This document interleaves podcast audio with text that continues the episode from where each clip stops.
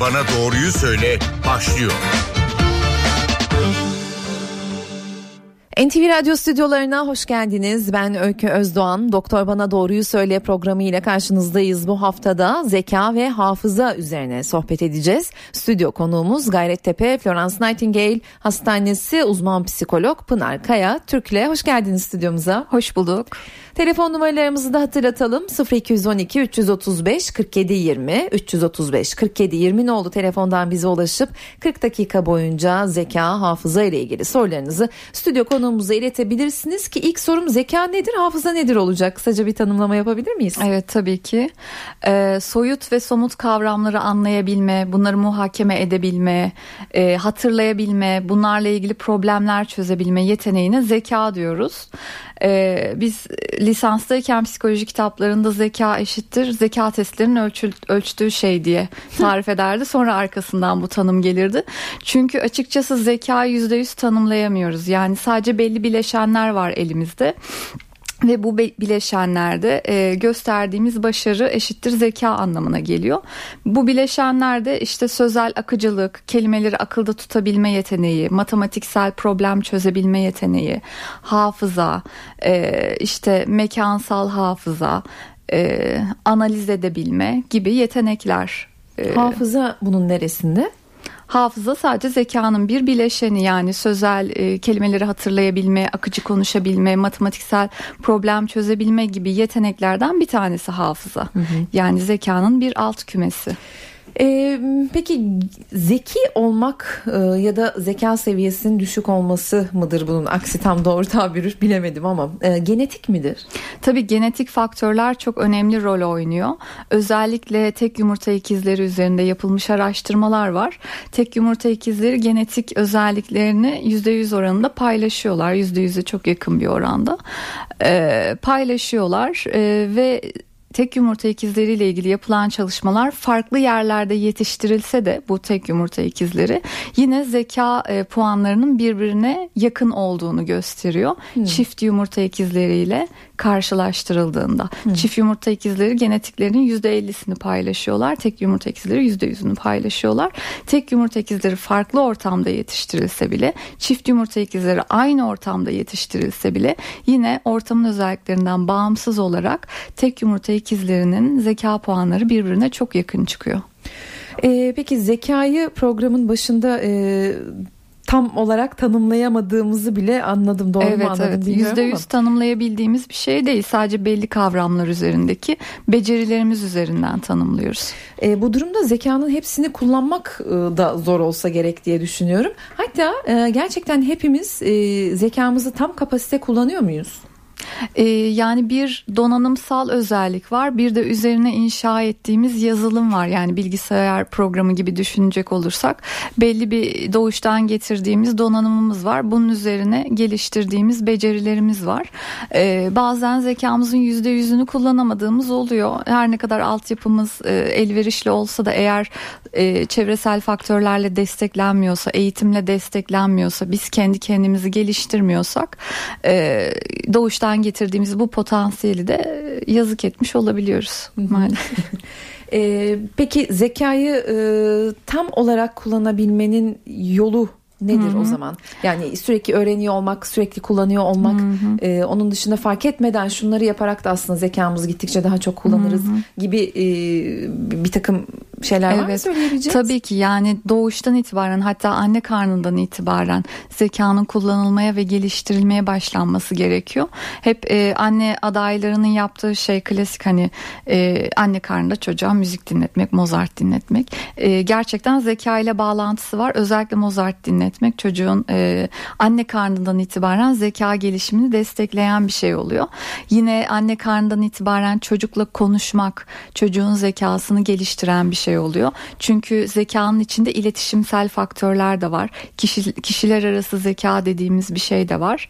E, bu açıdan geliştirmiş oluyoruz. Sonrasında 0-3 yaş döneminde e, beyinde hücreler arası bağlantılar müthiş derecede artıyor ve bizim bu bağlantıları desteklememiz gerekiyor. Çünkü kullanılmayan bağlantılar budanmaya başlıyor. Bu budanma olduktan sonra tabii geri gelmiyor yani hani ağacın dallarının budanması gibi e, sinir hücreleri arasındaki bağlantılar da budanıyor sonra tekrar geri gelmiyor. Özellikle 0-3 yaş döneminde mümkün olduğunca çok fazla uyaranla çocuğu desteklemek gerekiyor ki bu donanımsal özellikler üzerine hani yazılım eklenerek parlatılmış olsun. Bu ilk 3 yıl gerçekten e, önemi e, üstünde durmak lazım. Bu ilk 3 yıl boyunca e, ebeveyn mi yoksa bir uzman mı e, bel, yani belki de bakıcıyla bütün gününü geçiren e, bebekler var.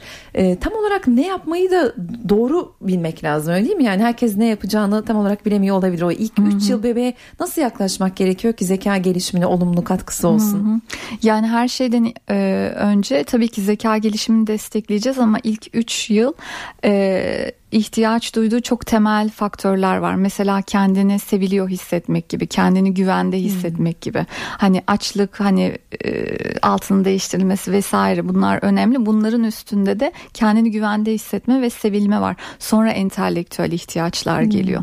Yani eğer hani bakıcıyla birlikte gününü geçiriyorsa o bakıcının çocuğa e, sevgi vermesi gerekiyor, ilgilenmesi gerekiyor. Ağladığında hani pışpışlaması gerekiyor, sakinleştirmesi gerekiyor. Sonra hani biz rahat olduğumuzda bir şeyler öğrenebiliriz. Sonra zaten çocuk hani öğrenmeye açık oluyor. Uykusunu iyi almış olması gerekiyor, iyi beslenmiş olması gerekiyor. Hani evet. Hani temelde Bakımın dışında var. da bir takım oyunlar, e, Tabii bir takım ki. televizyon seyretmemek mesela bir etken Tabii midir ki. zekanın Tabii üzerinde? ki.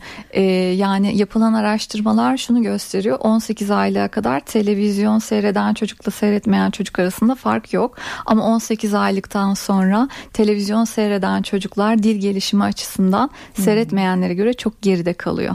Çünkü insan etkileşiminden uzak kalıyorlar. Sadece hani bir e, aletin başında oturmuş oluyorlar. Ondan aldıkları uyaranlara e maruz kalmış oluyorlar. teknolojiyle elinde iPad'lerle, iPhone'larla yani hiçbir şey evet. şey yapmayı bilmeyen bir bebek çok rahat bir e, akıllı telefon diyelim. E, evet, e, kullanabiliyor. kullanabiliyor ama dil gelişimleri geride kalıyor diğer çocuklara göre. Evet. E, sigara, alkol ve madde bağımlılığının zeka üzerindeki etkisinden de bahsedelim mi? E, tabii. E, özellikle alkol ve madde bağımlılığı beyine çok fazla zarar verdiği için, beyni yapısal olarak bozduğu için ciddi hafıza problemlerine sebep oluyor. Muhakeme yeteneğini bozuyor e, hatta ileri miktarda aşırı düzeyde alkol kullanımlarında e, Korsakov sendromu dediğimiz geri dönüşümü olmayan ciddi hafıza problemleriyle karşılaşıyoruz. E, çok çeşitli hafıza problemleri var. Bazılarında geçmişe dönük hafızayı kaybediyoruz. Bazılarında ise yeni hafıza oluşturamıyoruz. Yeni bir şey öğrenemiyoruz.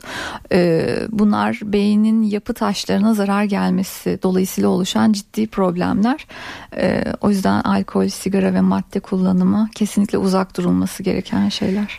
0212 335 47 20 telefon numaralarımız. Zeka, hafıza, zekayı nasıl geliştirebiliriz? Az sonra konuşacağız. Geliştirme egzersizleri var mıdır? Doğru beslenme e, önemli midir? Nasıl beslenmek gerekir? Bunlar üzerine sohbet ediyoruz. Stüdyo konuğumuz uzman psikolog Pınar Kaya Türk'le.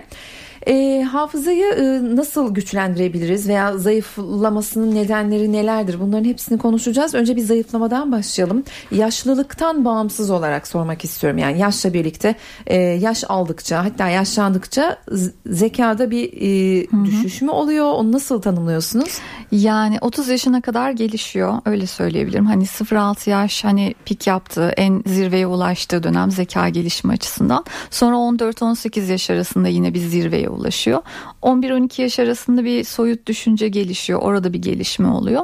Fakat e, 30 yaşından sonra hani gelişmekten ziyade var olanı korumak ve var olan üzerinde e, çalışmak daha hani e, olan şey. Hani 30'dan sonra çok geliştiğini söyleyemeyiz. Oraya kadar edindiğimiz bilgi birikimi, e, oluşturduğumuz potansiyel kullanılıyor. Peki e, zayıflamasına neden olan etkenler bahsettik gerçi. Alkol dedik, sigara dedik, madde bağımlılığı dedik. Bu 30'dan sonra yaşlılık Hı-hı. dönemine kadar başka neler ki bunları yapmamalıyız o açıdan evet. soruyorum. Yani evet stres mesela hafızayı çok e, olumsuz etkileyen bir faktör. İş stresi ya da ailevi e, yaşantılar, olumsuz olaylar. Aynı şekilde ciddi travmalar hafızayı çok olumsuz etkileyen faktörler. Yani psikolojik olarak yaşadığımız e, stres veren yaşam olayları çok olumsuz etkiliyor.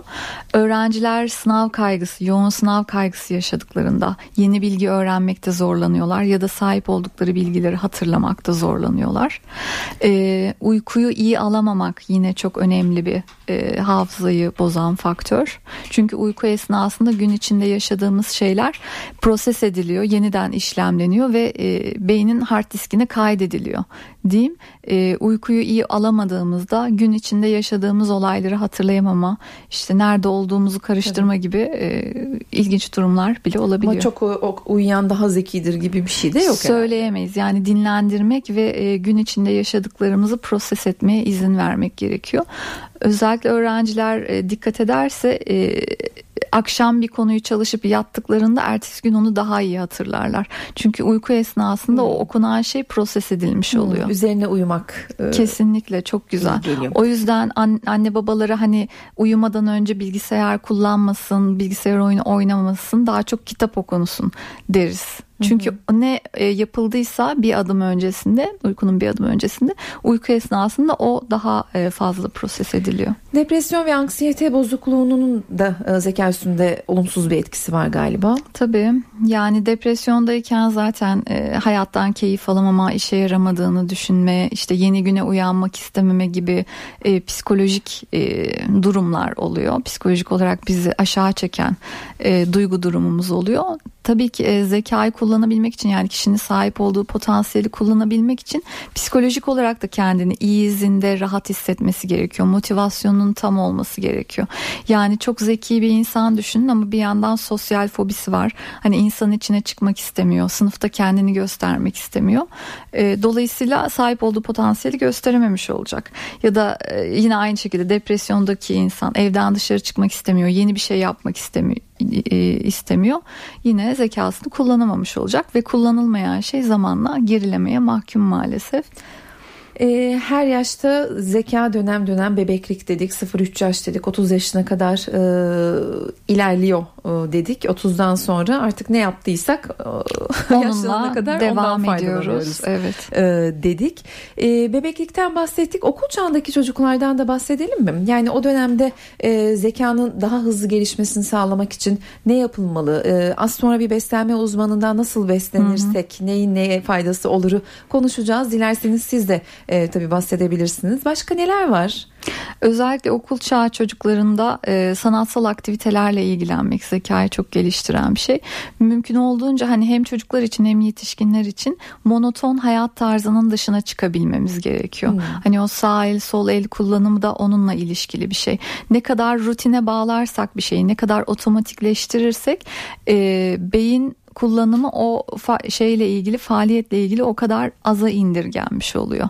Çocuklar açısından da yani hani ödevler rutin olursa yapılan aktiviteler rutin olursa artık otomatiğe bağlamış oluyor. Beyin zorlanmıyor yani yeni bir şey üstüne yeni bir şey koymak için bir e, çaba sarf etmemiş oluyor. Dolayısıyla gelişim elde edilmiyor. Mümkün olunca sanatsal aktiviteler, sporla ilgilenmek, bir şeyler üretmek, ne bileyim işte kamplara götürmek vesaire. Hani mümkün olduğunca fazla uyarana maruz bırakmak ve beyni zorlayıcı e, oyunlar oynatmak e, çocukların zeka gelişiminde destekliyor. Tabii 0-3 yaş arasında hiçbir faydası yok hani televizyonun, hı hı. internetin vesairenin.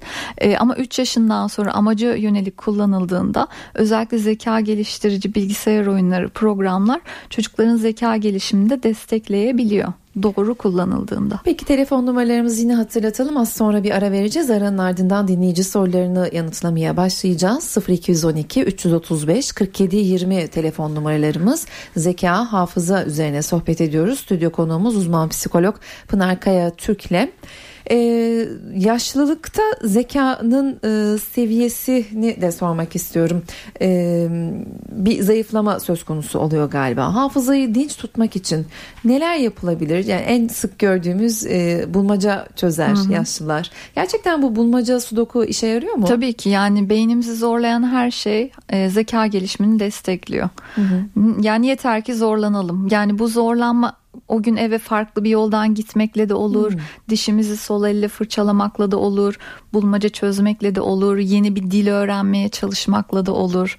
Yani zorlayan her şey bizim işimize yarıyor. Hafızayı, zekayı e, o beynin şeyini donanımsal geliştirmesi bile e, geliştiriyor. E, düşmesini, zayıflamasını engelliyor. engelliyor. Tabii ki ve e, şey işlevsellik, akıcılık kazandırıyor. Bu da çok önemli bir şey. Tamam evet 30 yaşına kadar bir şeyleri üst üste koyuyoruz. 30'dan sonra ne varsa onunla idare edeceğiz.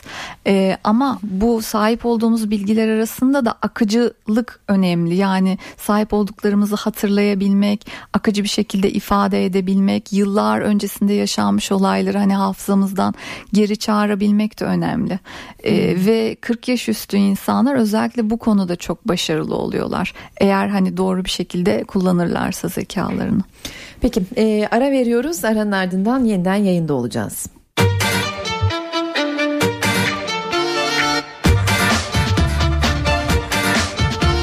Doktor bana doğruyu söyle devam ediyor.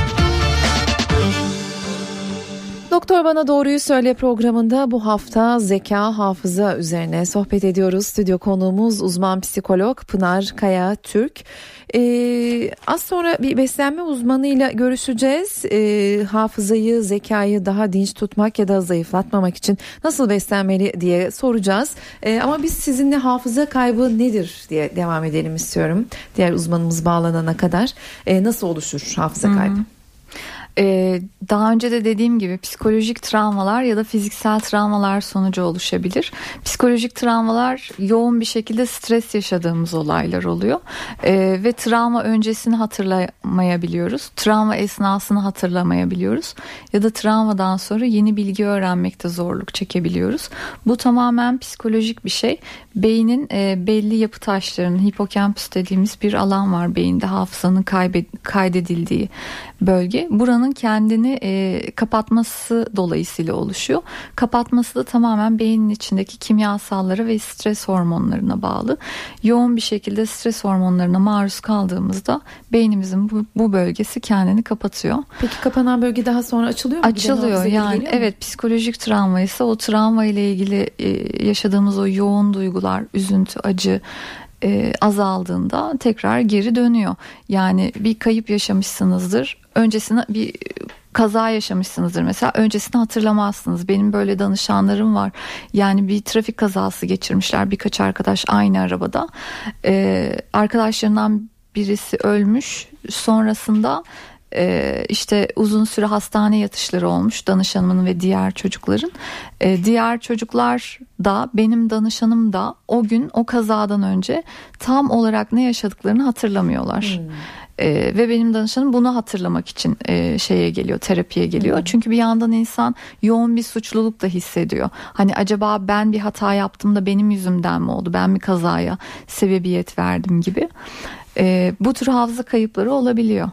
Peki ee, beslenme ile ilgili e, bölüme dönelim. Az önce de bahsetmiştim. Zekanın, hafızanın daha da geliştirilmesi ya da e, dinç tutulması için nasıl beslenmeli diye Medikal Park Bahçeli Evler Hastanesi beslenme ve diyet uzmanı Emel Unutmaz Duman'a soralım istedik. Merhaba yayınımıza hoş geldiniz. Merhabalar, hoş buldum. Teşekkür ederim. Ee, beslenmenin zeka gelişiminde ya da dinç tutulmasında önemli bir yeri olduğunu biliyoruz. Gerçekten ne yersek o muyuz? E, gerçekten öyle yapılan birçok çalışmada zaten bunu destekliyor. E, hafızı deyince bilişsel performansı arttırmak deyince de ilk akla hepimizin gelen e, besin balık oluyor. Yani omega 3 yağ asitleri. E, balığın kaynaklarının iyi olması tabii önemli. Şimdi soru işaretlerimiz çok fazla var ama Yine de doğal olan balığı yani besin olan olarak alınacak balık emilim olarak en yüksek oranda omega 3 içeren kaynak. Hı hı. E, haftada benim önerim iki gün en azından balık tüketimi. E, ama yaz aylarında çok sık bulamıyoruz, yiyemiyoruz diyorlarsa yine hekimlerinin önerisi dahilinde ek supplement olarak da kullanabilirler. Hı hı. E, bunun dışında omega 3'ün diğer kaynakları tabii ki ceviz. Bizim e, okul dönemi çocuklarından eksik etmediğimiz, benim artık yaşlılıklarda da geriatride de mutlaka kullandığım. Hı. Cevizin de günlük 3-4 tane yenilmesi. Eğer kilo problemi yoksa daha da fazla yiyebilir kişi.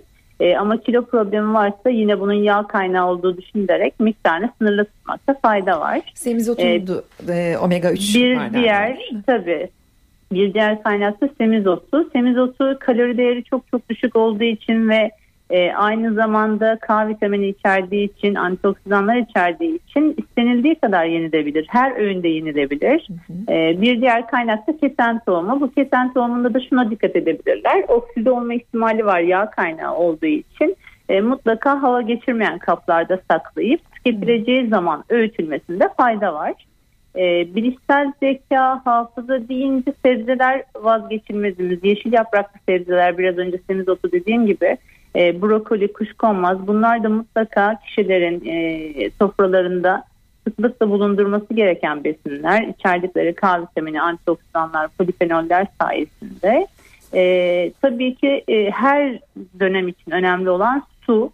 E, vücudu susuz bırakmamak çok çok önemli. Buna da dikkat etmekte fayda var. E, diğer bir çalışmada kolin üzerine çok fazla çalışma var. Bu e, bilişsel zeka, hafıza ve kolinin etkileşimi. E, kolin kaynakları da bizim e, en iyi protein kaynağımız aslında yumurta. Hı hı. E, mutlaka e, eğer dokunan bir rahatsızlıkları yoksa ya da alerjileri yoksa her gün bir yumurta. E, bu yumurtanın aynı zamanda vitamin içeriği, A vitamini, D vitamini içerdiği için de faydaları var. E, ayrıca içerdiği amino asitler de yine hafızayı güçlendirici.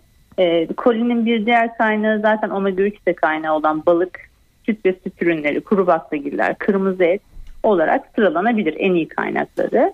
E, çikolata da geçen çalışmaları var ama e, çikolata yerken de yüksek kakaolu olanlarını yani bitter olanlarını tercih etmek lazım. Hı hı. E, aslında tüm bu konuştuklarımıza bakarsanız yani kuru baklagiller, süt, yoğurt, yumurta sağlıklı beslenmenin e, parçaları. Evet. E, bizim en optimum sağlıklı beslenme önerilerimiz de zaten bunları içerir kişinin yaşı her yaşta ama yani sadece bu bilişsel Alzheimer riskini düşünerek 50 yaşından sonra değil e, ya hayatının her döneminde hatta annenin karnındayken bile e, sağlıklı beslenerek dengeli beslenerek e, bu durumu her zaman e, güçlendirmesi gerekir. Yani sağlıklı beslenmeyi doğru besin seçimine e, yapmak gerekir beslenme olarak da yani besinler bunlar ama beslenme olarak da benim en çok önerim hipoglisemiye girmemek. Yani eğer kişinin hipoglisemi problemi varsa kan şekerinin düşmesidir hipoglisemi.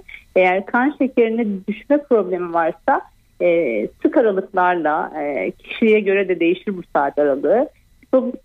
Hipoglisemi yaratmayacak basit şekerlerden uzak kalarak beslenmelerini tavsiye ediyorum. Peki çok teşekkürler yayınımıza katıldığınız için. Ben teşekkür ederim. İyi günler. Medikal Park Bahçeli Evler Hastanesi beslenme ve diyet uzmanı Emel Unutmaz Duman yayınımıza katıldı. Az sonra dinleyici sorularını yanıtlamaya başlayacağız.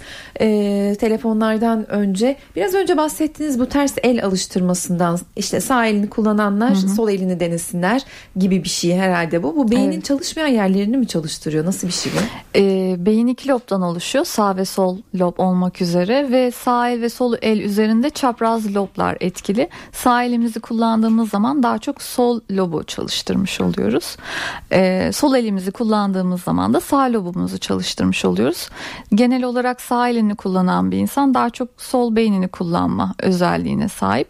Sol beyin daha çok analitik e, işte düşünme, problem çözme üzerinde yoğunlaşmışken sağ beynimiz daha çok yaratıcılık, sanatsal faaliyetler, insan insan ilişkileri, sezgiler üzerine yoğunlaşmış bir beynimiz. O yüzden e, orayı da biraz çalıştırmak ve uyarmak adına sol elimizi kullanmayı tercih edebiliriz. Tamam şimdi e, dinleyici sorularına başlayalım. Süremiz e, daralıyor. Merhaba yayındasınız sorunuzu dinliyoruz. Alo iyi çalışmalar kolay gelsin diyorum. Teşekkürler buyurun lütfen.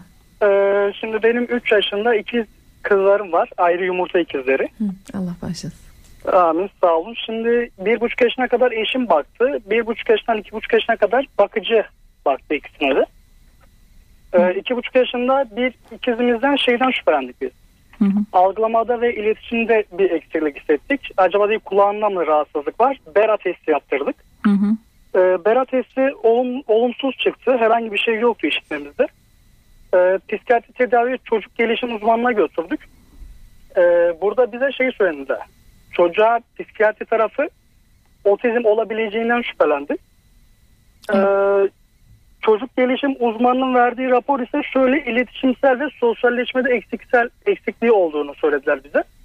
Hı hı. Ee, bundan dolayı da bize şey e, yönlendi. Hani bakıcıdan daha çok çocuğun toplumla beraber iç içe olabileceği yerlere mesela kreş gibi yerlere yönlendirdiler. Ee, ikizimizin diğerinde herhangi bir sıkıntımız yok. Hani iletişimsel konuşmada veya işte becerilerinde el becerilerinde çok çok daha iyi. Ama bunda biraz daha hani geri ve konuşamıyoruz şu an. 10. ayda 3 bitecek 4'e gireceğiz. 3'ten gün almış olacağız. Hı hı. Ee, kreşe gittik yalnız 4 ay oldu. Kreşten bize geri dönüşleri çok çok iyi oldu. Hani becerisel olarak ve işte biraz daha aktif olması rolünde. Ee, yalnız hala konuşamada sıkıntımız var. Sorunuz Bunun nedir? için ne yapmamız gerekiyor veya evde ne yapmamız gerekiyor evde uygulama olarak? Hı hı. Ee, öncelikle çift yumurta ikizleriyle ilgili şöyle bir durum olabilir.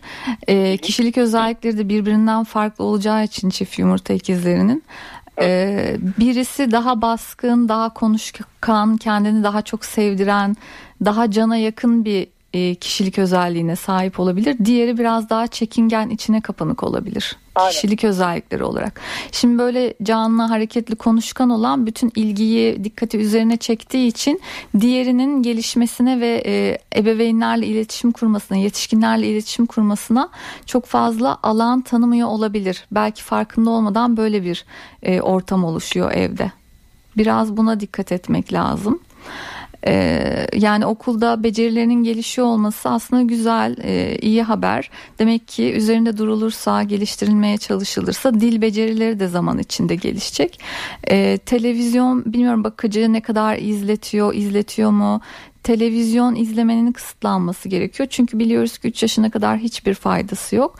Ee, ve televizyon izleyen çocukların dil becerileri geç e, gelişiyor. Televizyonu kapatacağız. Daha böyle hikaye okuyarak, işte konuşarak oynayacağımız oyunları tercih edeceğiz. Ve birinin diğerine daha baskın olmasına izin vermeyeceğiz. Ee, ve e, eğer hani böyle istekleri daha o ifade etmeden karşılanıyorsa bunu biraz kısıtlayacağız. Bu şekilde e, Teşekkür şeyler ederiz yayınımıza katıldığınız için. Diğer dinleyicimizin sorusunu alalım hızlıca. Buyurun yayındasınız. Yayındasınız merhaba. Merhabalar, iyi günler. İyi günler. Buyurun lütfen sorunuzu alalım hızlıca. Merhabalar, ee, benim e, 7 8 yaşında e, bir oğlum var. Selektif mutizm tanısı kondu. Onun bir tedavisi var mıdır? Ve okulda e, baya bir geride kalıyor. Ne yapmamız gerekiyor? Teşekkür ederim. E, selektif mutizmin tabii ki tedavisi var. Psikolojik faktörlerden oluşan bir hastalık. Yani bir uzman dahilinde tedavisinin düzenlenmesi gerekiyor sadece. Teşekkürler yayınımıza katıldığınız için. Geçmiş olsun diyelim. Diğer dinleyicimizi alalım yayına. Merhaba. Merhaba. Buyurun. Ben eee, eee, çocuğum eee, şu anda 5 yaşında. Anne karnında kullandığı ilaçtan dolayı beyninin bir kısmına zarar gördüğü söylendi. Hı hı. Eee, şu anda yürümüyor. Tam net anlamıyla yürümüyor. Konuşmuyor. Bazı kelimeler kullanıyor. Sadece baba, anne gibi. Hı hı. Bunun zekasını eee, geliştirmek açısından Hı hı. herhangi bir şey yapmam gerekiyor mu? Yani eğitim diye söylendi ama hafif özürlü statüsünde geçiyor. Hı hı. Annesinin ne kullandığını bilmiyoruz. Ben bu çocuğun koruyucu babasıyım. Koruyucu ayda çocuk esirgemeden aldığımız için yani geçmişini bilmiyorum. Biz e, 56 günlükten bu tarafa bakıyoruz çocuğa şu anda. Evet. Zekasını e, ilerletmek için ne yapmam lazım? Ee, bir çocuk nöroloğuyla birlikte takip ettiğinizi düşünüyorum süreci. Ee, çünkü nöroloğun da hani gelişimsel olarak takviye edici bir takım ilaçları, önereceği bir takım gıda takviyeleri, vitaminler olacaktır. Bunların yanı sıra özel eğitim veren psikologlar var, kurumlar var. Bunlarla birlikte çalışabilirsiniz. Hani şu an şunu yapın iyi gelir diyemem. Çünkü çocuğun iyi bir şekilde değerlendirilmesi gerekiyor bir uzman tarafından. Özel eğitim veren kurumlarla işbirliği dahilinde e, geliştirebilirsiniz. Teşekkür ederiz yayınımıza katıldığınız için. Son dinleyicimizi alıyoruz. Süremizin sonuna geldik. Buyurun yayındasınız. Alo iyi günler efendim. İyi günler. Şimdi, bir sorum olacak. Alzheimer'ın belirtileri nedir? Tedavisi var mıdır? Birinci sorum bu. İkinci sorum da şimdi benim okula giden bir çocuğum var da ders yapmak istemiyorum falan diyor. Yani bunu acaba neden şey yapıyor? Sıkıntıdan mı şey mi? Yoksa ne bileyim bir stres mi oluyor? Ben anlamadım yani. Bir okulu sevmiyor yani. Pek. Hı hı. Teşekkürler. Aslında Alzheimer galiba başka bir e, branşın sorusu ama Hı-hı. buyurun lütfen. Tabii nörolojiyle ilişkili bir branş ama belirtiler açısından hani demans dediğimiz demansla başlıyor. Ufak tefek hafıza kayıpları, günü unutma, nerede olduğunu unutma, e, gibi durumlarla başlıyor. Demans testi var. Hani şüpheleniliyorsa bir demans testi yaptırılabilir. E, bir bir saat içinde yapılabilen ve sonucu alınabilen bir test. E, Alzheimer'ın tedavisi yok diye biliyoruz ama şu aralar yapılan bir araştırmalar var. Benim de hani e, son zamanlarda duyduğum, takip ettiğim bir şey. Hani bulunduğuna yönelik gelişmeler var. Tabii ki geliştirilmesi gerekiyor, piyasaya sürülmesi gerekiyor. İlerleyen günlerde umarım bununla ilgili çözümler çıkacak karşı karşımıza. İkinci bir sorusu daha var. Ee, okula Çocuk. gitmek istemeyen, ders çalışmak istemeyen bir e, öğrenci. E, Birçok sebebi olabilir. Hani şudur sebebi diyemem yani bir uzman tarafından değerlendirilmesi gerekiyor. Teşekkür ederiz yayınımıza katıldığınız için. Gülme hafızayı güçlendiriyor deniyor. Öyle mi gerçekten? Ee, serotonin hormonunun etkisiyle tabii ki beyinde olumlu kimyasallar salgılanıyor, rahatlatıyor bizi. Hafızayı da güçlendirebilir, yeni şeyler öğrenmemizi destekleyebilir. Peki Mayo Clinic'in bir araştırması var. Östrojen hormonu hafızayı koruyor diyor bu araştırma. Hı hı. Öyle mi gerçekten? Östrojen hormonu hani daha çok kadınlık hormonu dediğimiz hormon kadınları e, dallı budaklı düşünmeye sevk eden ve aynı anda birçok işi yapabilme kapasitesini veren hormon kadınlara. E, hafızayı güçlendirir mi? Tabii ki hani aynı anda bir sürü uyarana maruz kaldığımızda yakaladığımız uyaranları beyne kaydedebilme ve onları sonra tekrar geri çağırabilme açısından bize destek oluyordur diye düşünüyorum. Çünkü hem sözel becerilerde erkeklere göre daha iyiyiz hem de e, geçmişte olan olayları hatırlama konusunda erkeklere göre daha iyiyiz. Tamam harika. O zaman bununla bitirelim programı. Evet. teşekkür ediyoruz yayınımıza katıldığınız için. Rica ederim ben teşekkür ederim. Florence Nightingale Gayrettepe Hastanesi uzman psikolog Pınar Kaya Türk'tü. Bugünkü konuğumuz zeka hafıza üzerine sohbet ettik. Önümüzdeki hafta yeniden karşınızda olacağız, yayında olacağız. Hoşçakalın.